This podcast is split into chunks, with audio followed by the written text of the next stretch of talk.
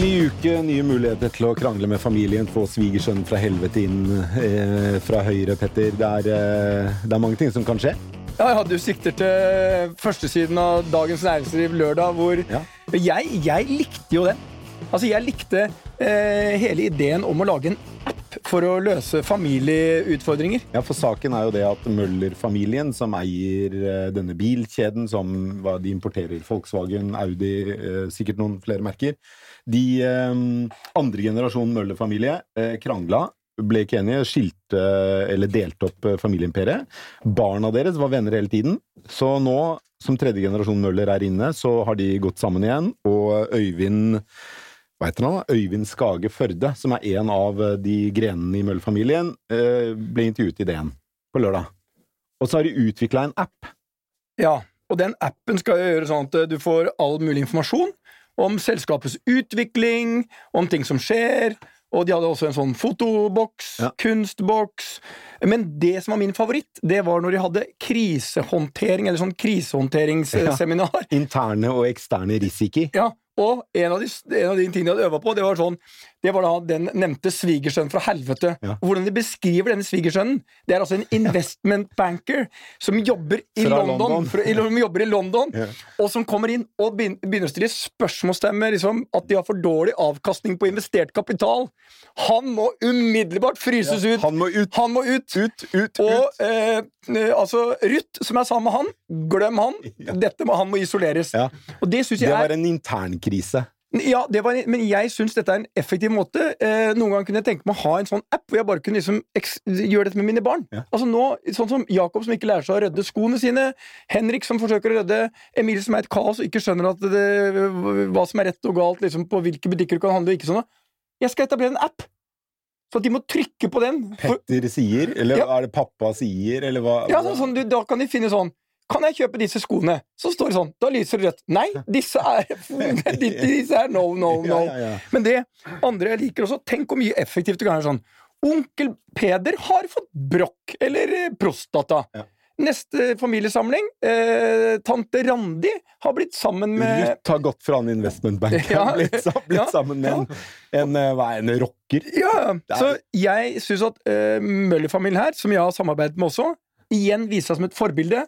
Jeg syns at de skal gi denne appen litt sånn at kan, eh, alle kan nedlaste samme eh, app-teknologi og bruke den i familien. Jeg kommer til å kontakte Møller-familien. Jeg skal bruke den eh, i min familie. Ok, teknologi er jo eh, Kan jo brukes til så mye. Åpenbart også å fryse ut investment bankers fra London. Eh, og av ting, en av de tingene som det snakkes mest om når det kommer til teknologi nå for tiden, er jo kunstig intelligens. Eller kort, eh, forkorta til AI. Artificial Intelligence, eh, tror jeg det står for. Og eh, siden du og jeg overhodet ikke har greie på kunstig intelligens Snakk for deg sjøl. ja, Ja. du er jo Jeg- en, du er jo en kunnskapens pilar Ja, på ja. kunstig intelligens. Jeg trodde første gangen at du kunne operere inn dette, så jeg var ekstremt positiv til dette i begynnelsen. Ja. Helt til jeg skjønte hva det var. Det var noe som skulle begynne å konkurrere med. Så fra da så har jeg vært litt mer sånn uh, hatt et mer sånn uh, Jeg har ikke hatt nære, varme forhold til det lenger. Nei, så uh, da Jeg, men, var jeg mener vanlig intelligens er det beste. da, ja. Så da var det bra vi fikk inn noen som hadde greie på det i studio, da. Absolutt. Jeg Ja. gleder meg til dagens uh, podkast. La oss ønske dem velkommen. Astrid Undheim, er det riktig? Det er riktig. Ja, du leder eh, analyse- og AI-teamet i Telenor. Stemmer. I Telenor sin forskningsavdeling. I Telenor sin forskningsavdeling. ja. Yes. Velkommen. Takk. Og så har vi deg, Gunnar Hovland, som er eh, si, Hun er jo en av de fremste tech-kvinnene i landet. ja. supersmart, eh, og hun er veldig ung, og hun står her sånn. Og det er, altså, det, det, dette er fremtiden, Per. ja. Du er på full fart eh, ned skråningen. Ja, ja. Jeg er fortiden. Du Ja. burde vært i graven. Eh, ja, altså i, I forhold til liksom tech, så er jeg ganske på. Ja. Jeg har mye bra tech-folk i Choice. Ja. Jeg er mange sånne som Astrid i Choice. Men, det, er, det, det, det man skal vite, er sånn, det at det, den som leder også vår tech-avdeling, er en ung kvinne. Lisa Farr. Skulle vi snakke om Choice nå, eller var det kunstig intelligens vi skulle snakke om? Eh, med flere av konkurrentene mine De trenger mye kunstig intelligens. I Choice har vi mye ekte intelligens. Ja. okay. Det var, det var eh, del én av Petters La meg snikreklamere litt Ja. for Choice-kjeden i, i podden. Um, del to kommer sikkert om ikke lenge. Eh, I mellomtiden så introduserer vi deg, Gunnar Hovland, sjef for Tine. Velkommen. Takk skal du ha. En ganske tradisjonell bransje, er i hvert fall inntrykket utenfra, men uh, du er jo selvfølgelig her for å forklare oss hvor feil man kan ta, ja. Ja. Du har jo bakgrunn fra BN Bank, hvor du, hvor du var eh, leder og, og hadde flere teknologiprosjekter i den banken. Og vi hører jo veldig mye om fintech, men agritech eh, har vi ikke hørt så mye om. Nei, men det skal jeg love deg at eh, det kommer veldig langt, altså. Ja. Så, eh, Så når jeg, når jeg jobba i bank, så var på en måte Så trodde jeg jo at bank var veldig langt foran. Men uh, når jeg kommer tilbake til Tine, så ser jeg jo at de også har gått uh, milesteg altså på de ti årene jeg har vært ute. Så uh, det som skjer der ute på gårdsbruka nå, kan du si, det er, jo rett og slett imponerende. Vi eh, kjører på med kunstig intelligens. Men jeg, må- jeg må bare si én ting. Jeg må bare si én ting. Mm. Jeg har jo faktisk reddet Gunnar en gang. Når han var i bank. Ja, jeg redda han. Sannsynligvis så var jeg det, det som gjorde at han fortsatt beholdt jobben. Eh, han hadde et problem som lå i uh, hestkukavdelingen, som uh, Hva heter hun som pleier å si det? Bad Bank-avdelingen. Bad Bank-avdelingen. Um, og der hadde han et hotell. En liten perle som var et problem for han, og en mulighet for meg. Hvilken, hvilket hotell? Jeg var, uh, Uten at jeg skal reklamere for det, så er det på en av topphotellene i Oslo. Christiania Teater, som for øvrig også har Norges beste pizza uh, med sik i teater og pizza. Det var nummer Det var uh, snikreklame for Choice del to. Ja, det er ikke for Choice, da. Det var for restauranten. Ja, var det, ja. Ok, da kjører vi på.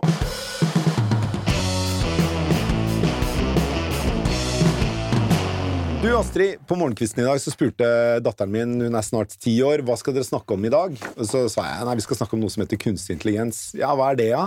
Og så slet jeg litt med å forklare. Eh, Så vær så god. Jo, takk for Forklar til Lilly, eh, ti år om eh, 16 dager, hva er kunstig intelligens? Hvis man skal si det veldig enkelt, så kunstig intelligens handler om å få datamaskiner til å nærme seg liksom, eh, menneskelig intelligens.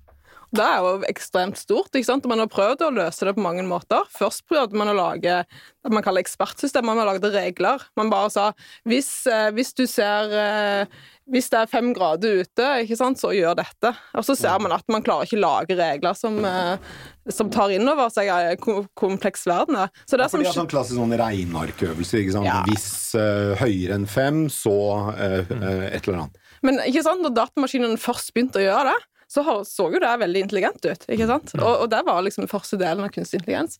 Og så skjønte man at dette her eh, tar oss ikke liksom helt til menneskelig intelligens. Så nå er det jo maskinlæring som er det store innenfor kunstig intelligens. Og- Og da lærer man eh, mer fra data, istedenfor at man har mennesker og eksperter som sitter og programmerer inn det med reglene. Så bruker man dataene til å lage reglene automatisk. Og hvordan gjør man det? Hvordan får du en, et, en programvare da, som dette er, eh, til å lære?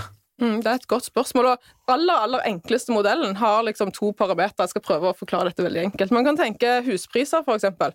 En modell som gir sammenheng mellom eh, kvadratmeter og huspris.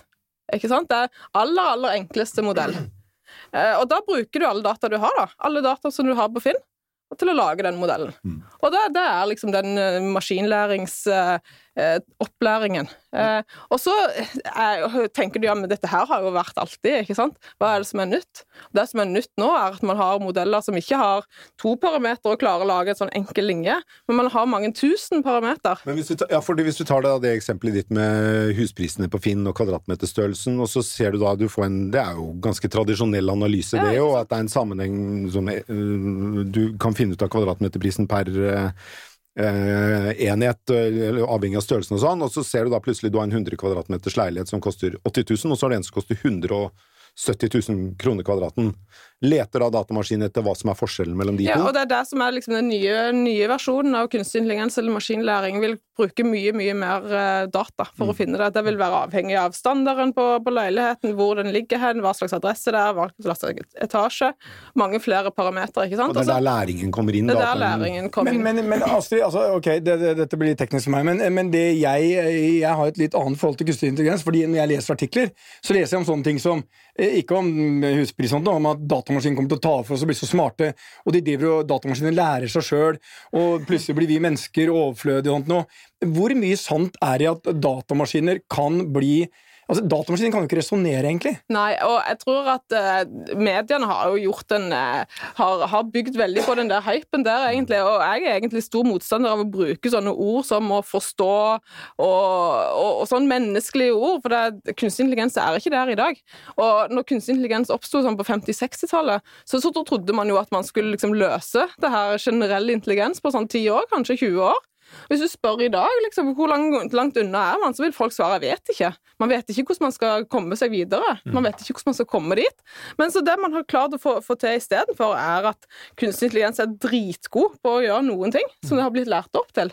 Så det er ingenting eh, Ingen som er i stand til å lage noe generell intelligens. Ingen som klarer Du, finner ingen AI-produkter som klarer å løse problemene dine for deg. Men et av problemene de har løst, er jo hvordan du skal melke ku.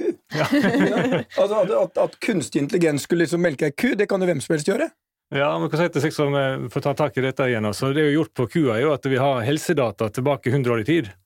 Kua den er jo ca. sju år på hver generasjon. Og for å bli frisk som kura Vi har nå verdens friskeste kyr i Norge. Snikreklame for ja. Tine del 1. Ja, del 1. Men poenget er at du, for å få fram frisk, friskere dyr så For å få en frisk ku sånn, så må du altså se på hva spiser den, hvordan blir det melka, eh, hvordan blir den stelt i fjøset, hva er dyrevelferden der, etc. bortover. Mange parametere styrer hvorvidt en ku er frisk eller syk. Og For å liksom sette dette sammen igjen, så bruker vi det systemet som du sa gjennom på i et prosjekt som vi kaller Mimiro, som driver og setter sammen alle disse dataene. Mimiro? Mimiro, ja. En ja. liten uh, ny bedrift som er startet opp nå. Som skal hjelpe bonden på en måte å ta tak i alle de dataene på 200 000 kyr i Norge. Setter det sammen til en måte å drive fjøset på, sånn at du får friskere dyr, bedre kvalitet på melka, lavere dødelighet, bedre dyrevelferd etc. bortover. Da bruker du den eh, kunstig intelligens eller maskinlæringen for å få ut den type datamengde, sånn at bonden gjør riktig valg hver dag. da og alle bøndene lærer av hverandre. Hvem er de beste kuene i Norge? Jeg har alltid trodd at det er Telemarkskua, som er nummer én. Jeg har vært på Dyrskuen i eh, Seljord eh, i en årrekke, ja. og da vant alltid Telemarkskua. Det er i hvert fall en, flotte, en av de flotteste kyrne. Det er ikke tvil om at Telemarkskua er veldig flott å se på, men det er en gjort med NRF-kua. At du har liksom avla fram en ku NRF, som er det er norsk rødt fe. Norsk rødt fe, ja. Mm. Det stemmer. Ja. Faen, som, du er god. Du, jeg må bare, nå, har vi jo, nå har vi jo liksom uh, kubransjens uh, Wikipedia på, ved høyresiden av meg her. På venstresiden står en som nå later som han kan om kuer. Hvor mange uh, liter liter melker en gjennomsnittlig uh, toppku i Norge per dag?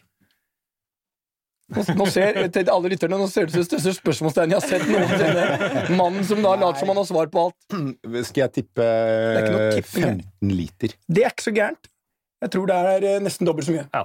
Petra har rett, og slett. 30 liter. Yes! Dette bra! Dette begynner bra. Ja.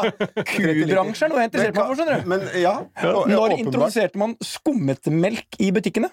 Uh, jeg vet ikke. Ja, vi går videre. Det var, en, det var et feilskjær, fordi skummet melk bør man ikke drikke. Jo, det er faktisk det man bør drikke. Nei, nei, nei. Men, uh, du drikker ikke, uh, drikker sånn full fettmelk? Jeg drikker ikke melk, jeg. Men ungene mine drikker mye melk. Melk er sunt. Eh, men eh, når du da bruker kunstig intelligens i fjøset, kan du da, er, gjør man det da for å si at det er Gunn som nettopp eh, fikk kalver, hun eh, bør melkes mindre enn eh, Astrid som eh, Nei, ikke sånn det foregår. da. Men det som skjer nå, er at over halvparten av melka i Norge blir nå melka av roboter. Altså robotfjøs. Ja. Da har vi sett en robot inni fjøset som melker kua. Som putrer mellom båsene? Og... Nei, kua putrer, går fritt inn i en løsøkt og så går den inn til en robot og du melker når kua har lyst til det sjøl. Så de lærer men, men, seg hvordan, er, hvordan, hvor, kua, eh, hvordan vet kua at nå må jeg gå bort? Står den i kø der? Eller alle, Nei, altså, det, det, hvis at, eh, du tenker på det, når du fikk barn også, sånn, så fikk jo kona melkespreng iblant. Ja. Hvis hun var med på fest sant, litt ja. lenge og ikke kom seg hjem til ammingen og sånne ja. ting. Enkelte måtte da pumpe ut litt melk og sånne ting også. Og Sammen med kua, den også har jo melkespreng. Det vet han veldig godt sjøl. det gjør vondt, for å si det sånn. Da, da, vet jeg at nå må vi tusle bort til melkestasjonen. Sant, og da går vi bort dit og blir melka. Ja. Men, men, men, hvor kommer, men, hvor kommer, kunstig intelligens inn der? At Vi tar alle dataene. fra den, eh, altså Både det som skjer på når kua blir melka. Vet du da hvilken ku som går til ja, ja. melkestasjonen til enhver tid? Det vet du, det er, ja. Fordi du skanner en eller annen QR-kode i øret eller noe Stemmer sånt? Det, ja. Så Da vet melkebonden hvem som har blitt melka og ikke melka.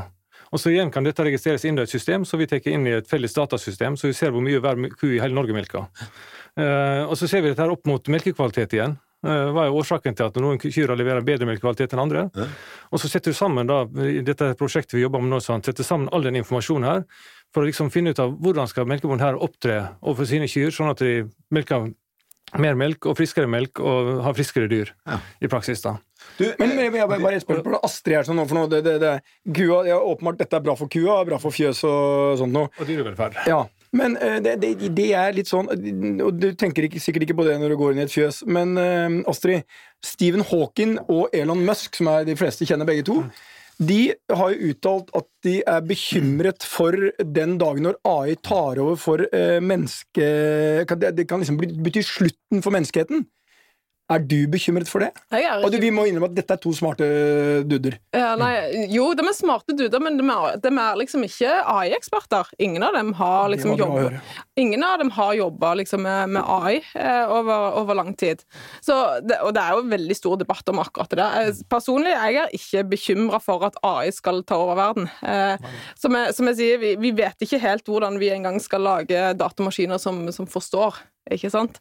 Så, så vi er fryktelig langt Hva unna. mener du med 'forstår'? Nei, men altså, du kan lære en datamaskin å, se forskjellen på en hund og en ulv, ikke sant?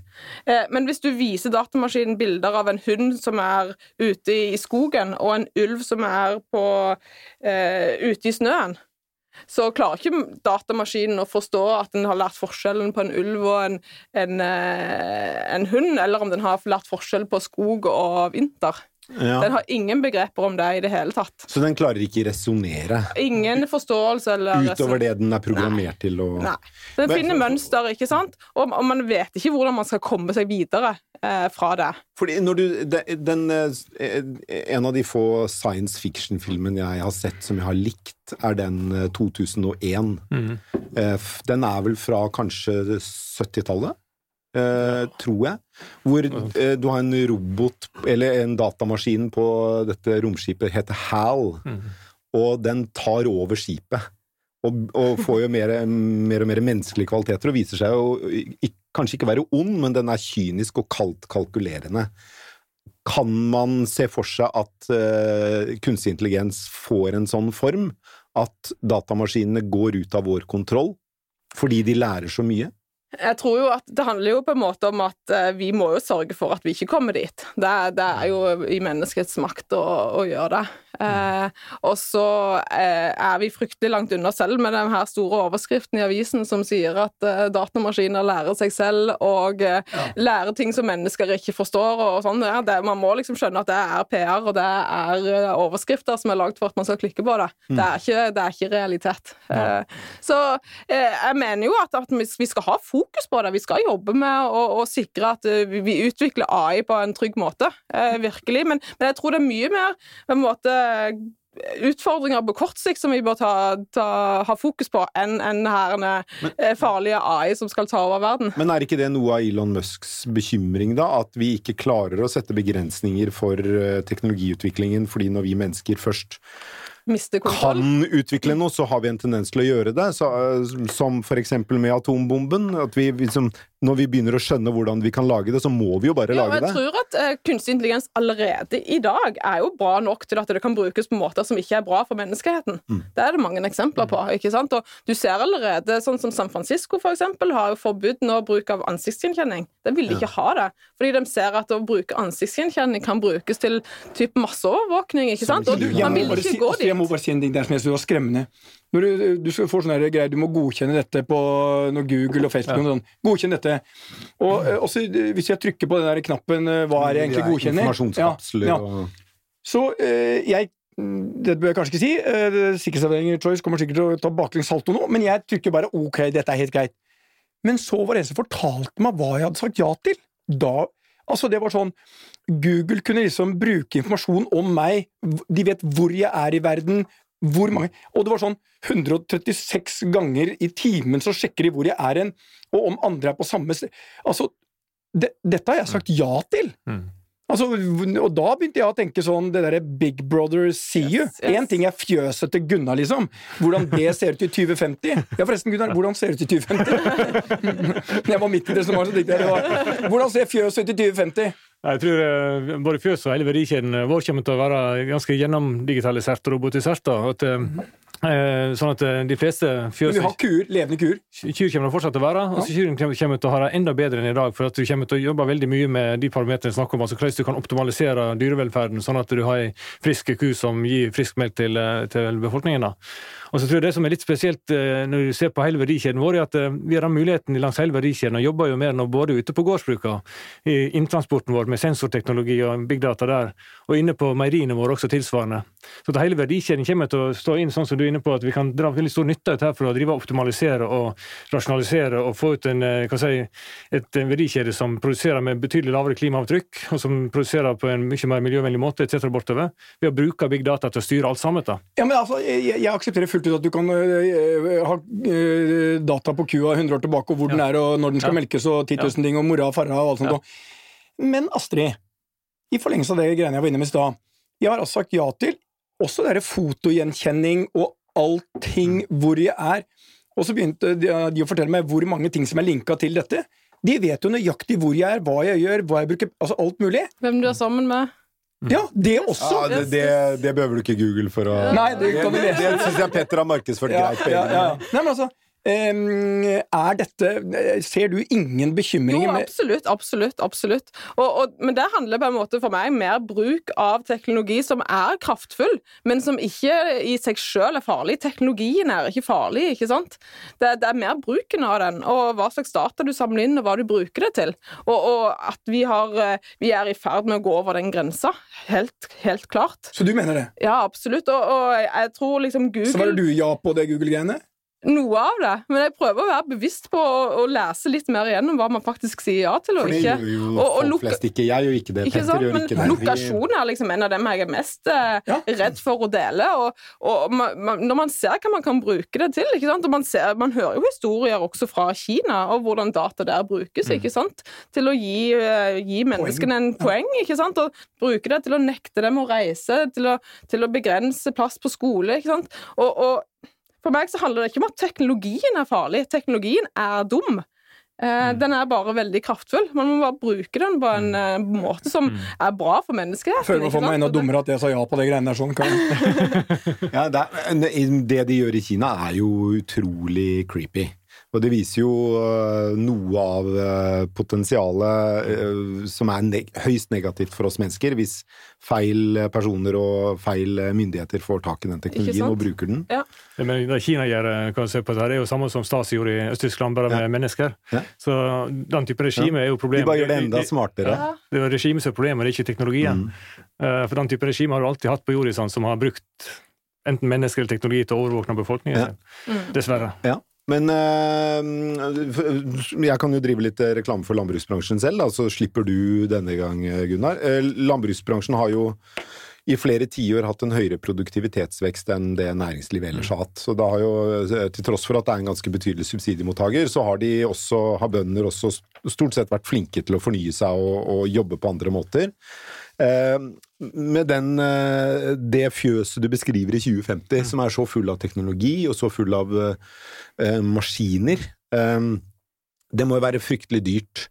Eh, og det skjer jo i absolutt alle andre bransjer, så, så skjer jo det at jo mer kapitalintensiv bransjen blir, jo færre folk blir det i bransjen.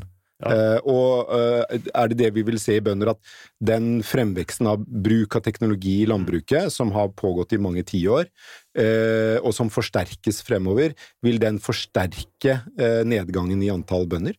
Ja, det tror jeg nok. Altså. Men hvis du ser på det, sant? når jeg begynte i arbeidslivet tidlig på 90-tallet, så var jo rundt 40 000 bønder i Norge som melka kyr. Nå er det rundt 10 000, så det er en fjerdedel igjen. Eh, Så det har skjedd allerede. sant? Og på robotfjøs er det typisk at et robotfjøs er på en 78 kyr, eller 60-70 kyr. Ja, det er et stort fjøs. Det er et stort fjøs i Norge. Men det er liksom det du må ha som liksom, det er en, ro en Det må du ha for å finansiere den teknologien? Altså, det er ca. det en robot betjener, da. Uh, I dag, iallfall. Én robot betjener det. Ja, 60 kyr omtrent. Ja. Uh, og så da vil si neste nivå er 120. sant? Da må du ha en robot til i dagens teknologi. Så det ene som skjer, tror jeg, men uh, tror jeg en veldig viktig del som skjer også ute på dette, her, er at eh, bonden går fra å melke dyra til å drive overvåkning. Altså han driver det regimet vi snakker om i Kina, sant, på kuene. Ja. der du kan også tenke altså, hvis du tenker- Nåde den kua som går over den feristen når, når, Men, når den ikke skal. men, men clouet er at du kan bruke altså ansiktsgjenkjenning også på ku. Sant? For å få en- den riktige doseringen med fôr. Da. Mhm. Dette er ting som er rett rundt hjørnet. som teknologi. for Hva koster en sånn robot? En sånn 160-melkemaskin eh, automatisert? Nei, Ferdig installert med alt sammen, så er det en 2,5 million i dag. Ja, Men det er ikke så gærent, vet du. Hvis du regner at et menneske koster deg en halv million i året, og du har 2,5 millioner i investering, så har du ganske bra avkastning, Ja. og bøndene har sikkert bra finansieringsløsninger for dette.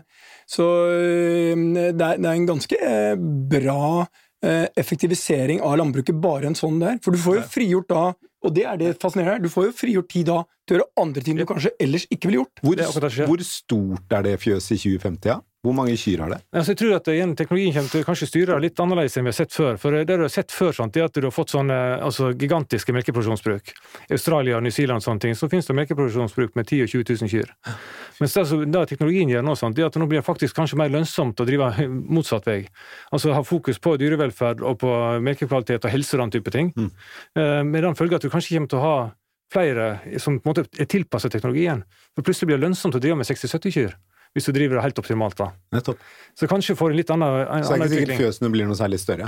Det er, ikke sikkert, altså det, er litt avhengig av teknologien igjen, da, hva som på en måte blir kapasiteter der. Altså. Men eksempelvis nå sånn, så er det sånn at du per robot sånn, så får du 60 kyr i fjøset. Det stopper der. Men, og det, det, det som er interessant med dette, og dette, dette liker jeg jo eh, Bare for meg som ikke kan noen ting om eh, kuer. Eh, 60 kuer, Mm. 2,5 million, ett dagsverk for å styre de kuene, som den robotmaskinen Ja. gjør. Da har du 20% direkteavkastning på investeringen, og du betaler ned hele maskinen på 6,5 år. Ja, det er roboten i seg sjøl, men så Ja. bygger, må jo som regel gå fra et fjøs som kanskje er en 10-15 kyr på, og bygge et nytt fjøs til, eh, til 60 kyr. Det er der vi skattebetalere kommer inn med subsidier. Nei, egentlig ikke, for at hele denne saken bygges jo av bøndene med sin egen kapital. da. Eh, og det er Et sånt fjøs komplett satt opp i dag er rundt 10 millioner, kan man si, med alt sammen inni. da. Eh, altså, da, da, men da flytter du litt fra en sånn 10-15-20 kyrs fjøs til et 60 kyrs fjøs. Som gjør jo bønder egentlig til, uh, i omsetning og, og investert kapital til sånn små til mellomstore bedrifter. Ja, da, det er faktisk blitt det nå også. Eh, Veldig mye av melkeproduksjonsbruka, de ligger der oppe. Et Hva- sånt fjøs produserer 500 000 liter uh, på et år. Stemmer det? Ha! Petter kan, eh, kan kalkulatoren sin, altså. Det må si. Nei, altså, det er jo det er ganske enkelt. Da tok jeg snitt på eh, 17,5 liter eh, per ku, og at noen av kuene er litt sløve og sånt nå. Så, men da å begynne å tenke hva får bøndene for én liter eh, melk? Cirka fem kroner. Fem kroner. Fem kroner, ja. Så 2,5 millioner Ja. i inntekt på melken. Da. Det er så nå begynner vi å snakke her. Trenger ikke artificial intelligence, vi. Vi bruker jo bare, eh, vi bruker bare huet. Ja, ja. Hva, skal, eh, hva skal Telenor med kunstig intelligens? Nei, litt sånn flåsete sagt så har vi Det jo er helt, det er vel helt andre problem vi har diskutert her tidligere. Ja, vi har- Det er vel, eh, Ja, vi har snakket jeg litt om si- sjefen din. Jeg vil, jeg vil si de trenger absolutt kunstig intelligens mer enn noensinne. Litt sånn flåsete sagt så har vi jo sagt at vi, vi tror at kunstig intelligens kan brukes overalt. Jeg kan gi et sånn veldig sånn konkret eksempel. eh, Fordi der vi leverer frykter jeg at du sier at de kan ta over podkasten vår. vi, vi leverer jo mobildekning ikke sant? og selger den. Det er det vi gjør. Eh, og, og det vi prøver nå, er liksom å Hvordan kan vi sørge for at vi har god, best mulig mobildekning akkurat der du er? og hjelpe Da ringer du bare Dekningsbjørn, Ja, ikke sant? eh, som er en legende i Telenor. Nei, og, og det handler også om å skru av dekning der du ikke trenger den. Og sånn som strømutgifter er jo en av de største utgiftene vi har. Og, og det er både å redusere, redusere kostnader, men også miljøvennlig. Ikke sant? Ikke ha på masse mobildekning på, på fjellet på Sjusjøen når det er arbeidsdag. ikke sant? Eh, Flytte den kapasiteten til Oslo S. Så, så det er liksom ett område, og kanskje det aller, aller viktigste for oss. Kan dere flytte kapasitetsdekning? Ja, Det vi kan gjøre, er faktisk å Det er litt interessant, fordi at du har jo de her buksene. De må Ja. være på plass der. Så kan du skru dem av og på og spare strøm. Og så kan du flytte På noen av dem så har vi lisenser som vi kjøper, eh, som kan flyttes. Og Da kan vi ha en lisens på, på ekstra god 4G-dekning på Sjusjøen i vinterferien, og så kan vi flytte den til Oslo S i arbeidsuka. Med de samme basestasjonene? De samme basestasjonene. Ja, så det er egentlig at man har, lisensen er mer softwarebasert, da, ikke sant? så man skrur av og på. Så, så det, det er liksom den retningen der, og det handler liksom om å gi alle kundene våre den beste, beste kapasiteten akkurat der de er. Så hvis vi klarer å forutsi hvor folk skal, skal bevege seg hen, hvor de kommer til å være hen, hvor når Justin Bieber eller vet ikke hvem som er hot nå, skal ha neste konsert, hvordan sikrer vi at vi klarer å ha så mye kapasitet som mulig der? Ja, For det har jo vært tilfeller av konserter på Telenor Arena hvor det ikke har vært dekning fra Telenor. Og det er, det er litt pinlig.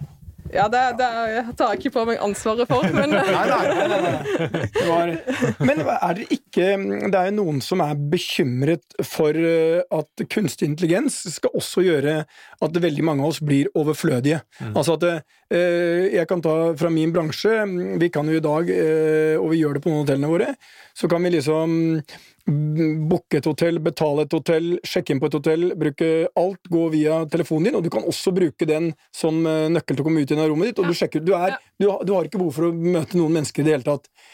Um, vi mener jo at mennesker har aldri vært viktigere, men ser dere et scenario hvor, uansett om det er Fjøset eller om det er eh, Telenor, at eh, vi får veldig mange mennesker som ikke får noe å gjøre i fremtiden? Ja, jeg tror at man trenger, Telenor trenger mindre, mindre ansatte. Vi har redusert fra jeg tror 20 000 for, eh, for 10-15 år siden i Norge til 4000. ikke sant? Så det her har jo vært en sånn stor prosess, og det, det kommer til å forsterkes med kunstig intelligens. Så, så jeg tror liksom at de store diskusjonene som vi bør ha, er jo hvordan sikrer vi, eh, hvordan sikrer vi arbeid til, til folk når, når mer og mer kan automatiseres. Og, og så er det også litt med hva slags type kompetanse, hvordan gjør vi omskolering og, og sånne ting. Og så mener jo jeg at liksom, den store diskusjonen hvordan omfordeler vi eh, midler eh, når, eh, når man automatiserer bedrifter. Bill Gates eh, vil jo ha robotskatt. Og det høres veldig teit ut, ikke sant? Men, men eh, når man kan drive en, en business Ja, altså, du uten skattlegger en robot akkurat som du skattlegger et menneske? ja, ikke sant? For å sikre skatteinntekter, at ikke alle inntektene går til, til investorer. Og jeg syns det er en diskusjon som er på sin plass. 100% Men én ting, Gunnar. Det er sånn eh, det som er interessant, Telenor har hatt den samme prosentuelle nedgangen i antall ansatte som det har vært nedgang i antall bønder. Ja. Og det, er- det, det, det gikk opp for meg akkurat nå. Ja. Og hvis du da ekstrapolerer den kurven, hvor ender vi? Ja, det er et uh, veldig spennende spørsmål, akkurat som vi er inne på. Altså, for at det er klart at uh, i, I disse konvensjonelle bransjene, som eksempelvis meieri vil være og landbruket, sånn, så har hatt en ekstrem rasjonalisering de siste åra. Det kommer til å fortsette, det er ingen tvil om. Så Vi ser jo for oss at vi kommer til å omtrent ta samme takten i fortsettelsen også. Uh, og så på en måte om bekymringen hvor stor den skal være, er jo et, alltid et spørsmål. Sant? For de som drev med hestetaxi i New York sant, i 1900, de var jo bekymra for Henry Ford og T-Forden og taxiene som kom inn. Og så plutselig så ble det en ny næring som som oppstod. Og sånn kan du fortsette med eksempel etter eksempel ute på 1900-tallet også. at eh, jeg tror at vi, vi kommer til å se en, eh, et veldig annet samfunn da, Ja. etter hvert. Så Det tar vekk veldig mye av de manuelle jobbene. Og det, men det viser jo All historie viser jo også det at eh, etablerte bedrifter nedbemanner. Ja. Det er nye bedrifter, Som nye oppstår. teknologier, som skaper arbeidsplasser. Og Men det, det- det- er, og det er jo liksom rollefordelingen i Men næringslivet hvor, også. hvor skal disse menneskene jobbe? Det, da, da skal Telenor ned om ti år til 1000 mennesker, og det er 2500 bønder igjen. Ja. Det er bare en forlengelse av kurven. Jeg tror ikke det er vanskelig å se hvor det er behov for folk. ikke sant? Så Da, da handler det jo om hvem som skal betale lønna til de her folka. og alle er vel, Vi har jo hatt en stor diskusjon om helse innenfor helse, f.eks., eksempel der man trenger mer varme hender ikke sant, og mer pleie.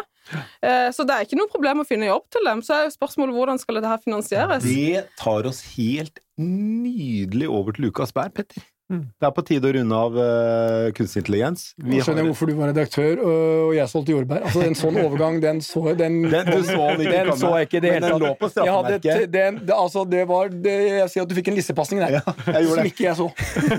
Det er derfor jeg var på reservebenken også på fotballbanen. Ja. Ok, vi kjører ukas bær.